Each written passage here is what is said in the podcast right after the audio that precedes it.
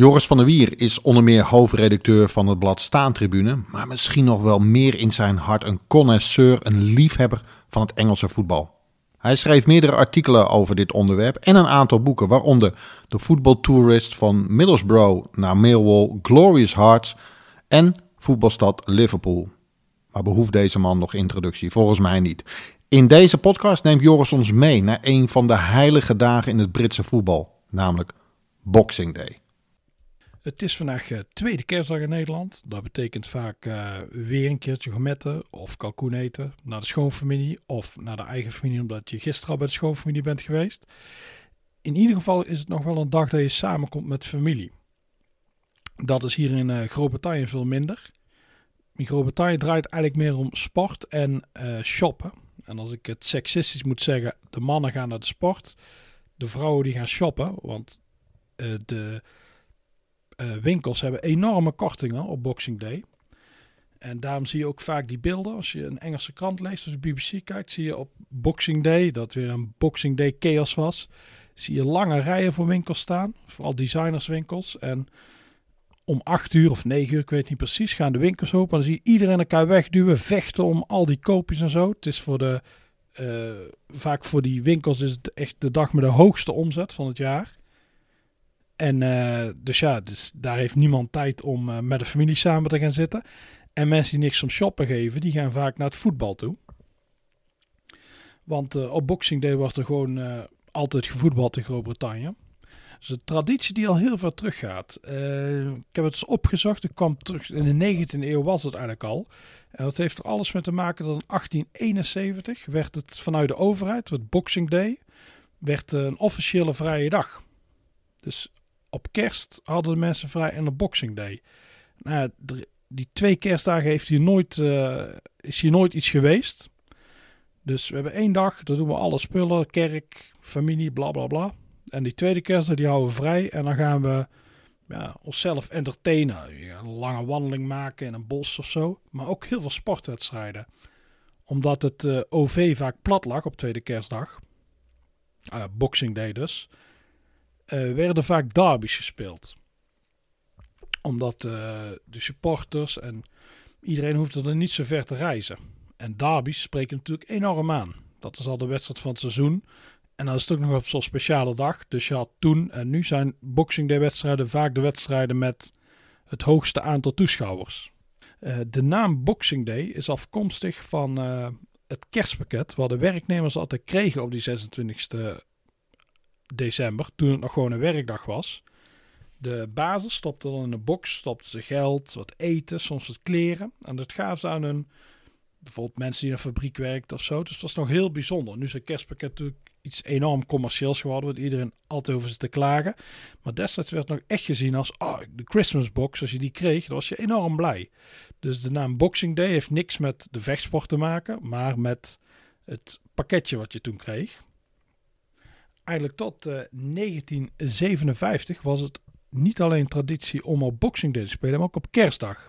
Vaak uh, werd er op twee dagen op rij gevoetbald. Ja, destijds had ik de, uh, was er denk ik nog geen aandacht voor rust en dat soort dingen. Dus spelers moesten de ene dag aan de slag.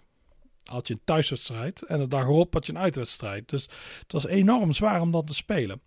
Maar ja, omdat die wedstrijden zoveel volk trokken, was het tot 1957, was er eigenlijk een volledig programma op, op die eerste kerstdag. Toen werd er op een gegeven moment ingezien, ja, het is misschien toch iets te zwaar. Er moet een rustdag tussen, misschien wel twee. Dus ze stoppen ermee. Jaren erop werd er nog wel eens op kerst gespeeld, maar eigenlijk bijna niet meer. De laatste wedstrijd die ik heb gevonden is uit 1965, Blackburn Blackpool. Oh nee, 1965 Blackpool Blackburn. En die werd 4-2. Dus de laatste keer geweest dat er op de eerste kerstdag werd gespeeld. Alleen die traditie is verdwenen. Alleen Boxing Day bestaat nog steeds. De traditie die wel is verdwenen is de traditie van de derbies. Voorheen werd het, was het eigenlijk bijna alleen maar derbies op die uh, Boxing Day. Of redelijk lokale wedstrijden, dat clubs tegen elkaar speelden.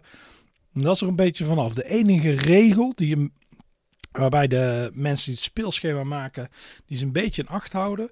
Dat is dat het niet meer dan twee uur reis is. Omdat, uh, wat ik al eerder zei, er is nog steeds amper OV op die Boxing Day. Dus fans moeten wel naar die wedstrijden kunnen. Dus je kunt ze niet te ver laten reizen. En niet iedereen heeft natuurlijk zin om in de auto te stappen als je lekker wel wil drinken. Maar de echte derbies, zeker als ik dit jaar het speelschema erbij pakt, zeker in Engeland zijn ze bijna verdwenen. Op, uh, in de Premier League heb je Crystal Palace West Ham. Die komen we allebei uit Londen. Maar geen van die, geen Palace fan of geen West Ham fans zeggen, ah, dat is onze grote rivaal. Voor de rest zijn het allemaal redelijk lokale wedstrijden, maar niet echt meer de krakers van doorheen. Dat heb je nou wel in Schotland en Noord-Ierland. In Schotland is bijvoorbeeld deze keer Hearts Hips op Boxing Day. Terwijl in Noord-Ierland, daar waren eigenlijk alle clubs die, waren, die krijgen een derby zo ver mogelijk toegewezen. Dus heb je in, uh, op de hoogste niveau heb je de vier grote clubs uit Belfast. Die spelen alle vier tegen elkaar. Je hebt Crusaders Cliftonville, twee uit Noord-Belfast, een uh, protestantse en een katholieke club. Spelen altijd tegen elkaar. En Glentoran Linfield, dat is de, de twee grote clubs van, uh, eigenlijk van heel Noord-Ierland. Die spelen ook altijd tegen elkaar. Het is altijd om en om. Dus dit jaar is het Glentoran Linfield. Dan weet je, volgend jaar is Linfield Glentoran. Want voor beide clubs is deze wedstrijd zo belangrijk, omdat het zo vol zit. Ik ben uh, vier jaar geleden was ik bij Glentoran Linfield. Dat was voor staantribune. En veld dat kon eigenlijk niet. Het was één grote puinzooi. Er lag uh, water op. Uh, ze hadden de brandweer ingehuurd om het weg te pompen. Dus ik was er voor een verhaal. En toen hoorde ik, toen vertelden ze mij...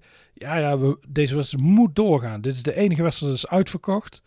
Uh, de hele Bobo gebeuren zit vol. We hebben eten besteld. Het moet doorgaan. Dus de wedstrijd is toen een uur uitgesteld. Was van drie naar vier uur. Om maar proberen dat water weg te pompen. Alleen toen is... Uh, ze zeiden ook, ja... De brandweer staat er nu. Als er ergens een brandmelding komt, moeten ze weg. En dan gaat de wedstrijd eruit. Gelukkig voor Glentorren lukt het nog. Ja, het veld is eigenlijk onbespeelbaar. Maar ja, de, de scheidsrechter een beetje eh, onder druk is gezet.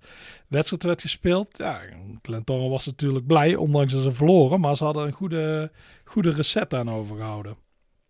Die wedstrijd is me zo goed bevallen dat ik uh, twee jaar geleden, ja, wat ik al zei, dus ja, erop was Linfield Glentoran. Dat is een beetje een saai stadion van Linfield. Maar in 2017 was het weer Glentoran Linfield. En uh, ja, daar ben ik toen weer naartoe gegaan. En Glentoran had er heel lang niet gewonnen. En die wedstrijd wonnen ze met twee in de laatste minuut. Dat is ook weer heel, uh, heel mooi om bij te zijn. Weer volle bak. En uh, dus ja, dus ik heb dit jaar, want het is een oneven jaar tot, dus het is weer Glentoran Linfield, heb ik besloten om er weer naartoe te gaan. Dus zodra, als jullie deze podcast luisteren, dan uh, sta ik op de Oval, mijn favoriete stadion, naar Glentoran Linfield te kijken. En het uh, is alweer uitverkocht, dus uh, dat doen ze mooi. Nou, omdat je zoveel wedstrijden op Boxing Day hebt, heb je natuurlijk ook legendarische wedstrijden. Dus heb je ook in 1963, dat is eigenlijk een legendarische speelronde geweest. Want er werden in tien, de 10 wedstrijden op het hoogste niveau werden 66 doelpunten gemaakt. Ik zal even de uitslagen erbij pakken. Fulham Ipswich werd 10-1. West Ham Blackburn werd 2-8. En zowel Burnley Manchester United als Liverpool Stoke werd 6-1. Dat is enorm veel doelpunten die dag. Het leek wel of, ja, ik weet niet, misschien waren ze allemaal dronken van de dag ervoor. Maar er werd gewoon puur aanvallend gespeeld. Iedereen probeerde maar om zoveel mogelijk te scoren. Destijds, we zitten in 63, dus de traditie van de kerstwedstrijd is afgeschaft werd er twee, dagen later, de 28 december, werden de returns gespeeld. Wat toen uh, traditie was. Uh, Man United verloor met 6-1 van uh, Burnley. Maar op Old Trafford pakten ze weer terug. Met 5-1 werd er ineens gewonnen. Blackburn had maar 8-2 gewonnen op Upton Park. Twee dagen later moest West Ham reisde af naar Blackburn. En die dacht, shit, thuis met 2-8 verloren. Dat gaat weer een jas worden. Maar ze wonnen met 3-1 daar. En uh, Ipswich Fulham, dus Ipswich, wat met 10-1 had verloren, won die returnwedstrijd bij 4-2. Dat is eigenlijk heel bijzondere uitslagen en ook weer veel doelpunten. Maar die, deze traditie van uh, een returnwedstrijd vlak na elkaar spelen, die is ook helemaal verdwenen, helaas. Alleen in de non-league heb je die nog steeds. Eigenlijk het droomjaar qua was 1979. Die dag had de mensen die speelscheuren maken hadden Arsenal Spurs neergezet, Norwich Ipswich, Watford Luton, Liverpool Man United, Brighton Palace. Nou, dat is natuurlijk een heel mooi. Als vinker word je helemaal gek, want dan weet je niet wat je moet kiezen. Ah, ik had zelf gekozen voor Sheffield Wednesday Sheffield United, want die werd ook die dag gespeeld. En dat was een heel bijzondere wedstrijd, want het was voor het eerst dat ze elkaar tegenkwamen op derde niveau. Uh, beide clubs waren ver afgezakt. Alleen, zeker Sheffield United deed het heel goed. Die stonden bovenaan. Sheffield Wednesday stond vijfde op dat moment. Maar speelde thuis. Dus die moesten eigenlijk die wedstrijd winnen om aan te blijven haken. Ah, die wedstrijd, heel de stad Sheffield was helemaal bezig met die wedstrijd. Er waren bijna 50.000 man op Hillsborough. Dat was eigenlijk te vol. Maar iedereen wilde erbij zijn. Want iedereen wist, dit is een belangrijk. Als Sheffield United deze wint, nou, dan zijn ze bijna niet meer te achterhalen. Dus het is een belangrijke voor Wednesday. Heel gek. Wednesday wordt een eigenlijk een heel matig seizoen draaide. Want ze werden vooraf gezien als uh, de titelkandidaat. Verslaat Sheffield United met 4-0. Nou, dat kan een keer gebeuren. Maar Sheffield United was helemaal van slag door die wedstrijd. Uh, ze stonden bovenaan. Nou, ze winnen daar. Na die nederlaag wonnen ze eigenlijk niks meer. Het was net een bokser die op zijn slaap is geslagen en een beetje aan het wankelen is. Ze werden, uiteindelijk werden ze slechts twaalfde. En het jaar erop vlogen ze zelf uit. Sheffield Wednesday was, voor Sheffield Wednesday was die 4-0 juist het omgekeerde effect. Die kregen ineens zo'n boost dat ze veel wonnen en uiteindelijk zelfs promoveerden. Dus later dat seizoen kreeg die uh, wedstrijd ook de bijnaam de Boxing Day Massacre. Eigenlijk een soort knipoog naar de St. Valentine's Massacre. Toen uh, El Capone zeven rivalen dood liet schieten. Want deze wedstrijd was eigenlijk ook een soort slachting van Sheffield United. Die club die, ja, die vloog gewoon naar het vierde niveau. Was eigenlijk was nog nooit hadden gespeeld tot dan toe. Terwijl Sheffield Wednesday ging de andere kant op. Dus je hoort ook als je naar die, naar die derby gaat, als die gespeeld wordt, zingen ze ook altijd over deze wedstrijd. Je kunt t-shirts kopen waar Boxing Day Massacre op staat en de vier doelpuntenmakers. En ja, voor Sheffield Wednesday is dit een eigenlijk misschien wel de wedstrijd uit de historie. Belangrijker dan dat ze een keer kampioen zijn geworden of zo. Want ja, een derby winnen, en vooral met zo'n gevolgen, dat is natuurlijk ideaal. Het duurde ook tot 1991 voordat er weer een keer een derby werd gespeeld tussen die twee.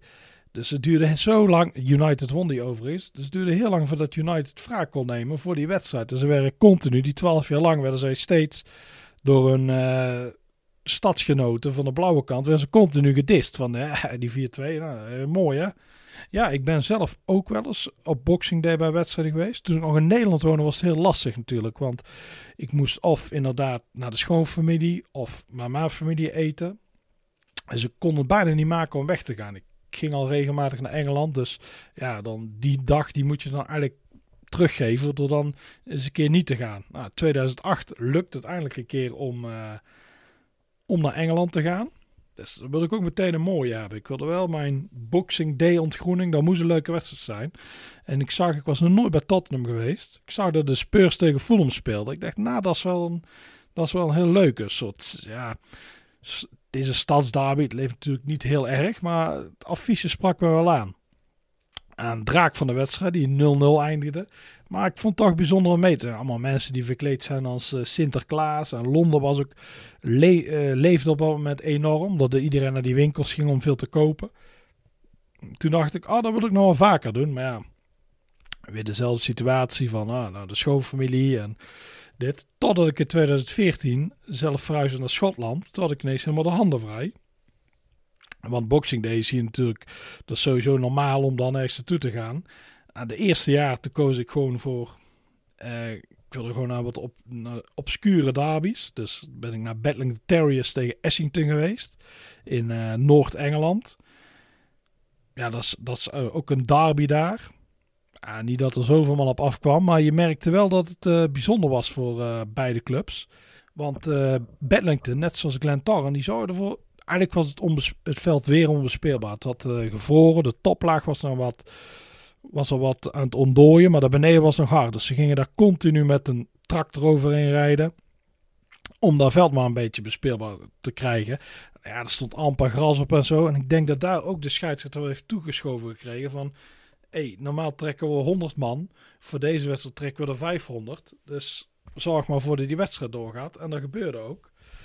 Ja, Bedlington verloor wel, maar ja, die hadden ook weer zo'n dag van, hé, hey, even flink uh, cashen. Die wedstrijden trouwens in die uh, divisie worden altijd om 11 uur s ochtends gespeeld, zodat ze niet concurreren met de wedstrijden in de Premier League of zo. Want daar heb je natuurlijk minder toeschouwers. Dus ik kon daarna kon ik in de buurt nog om drie uur een wedstrijd kijken.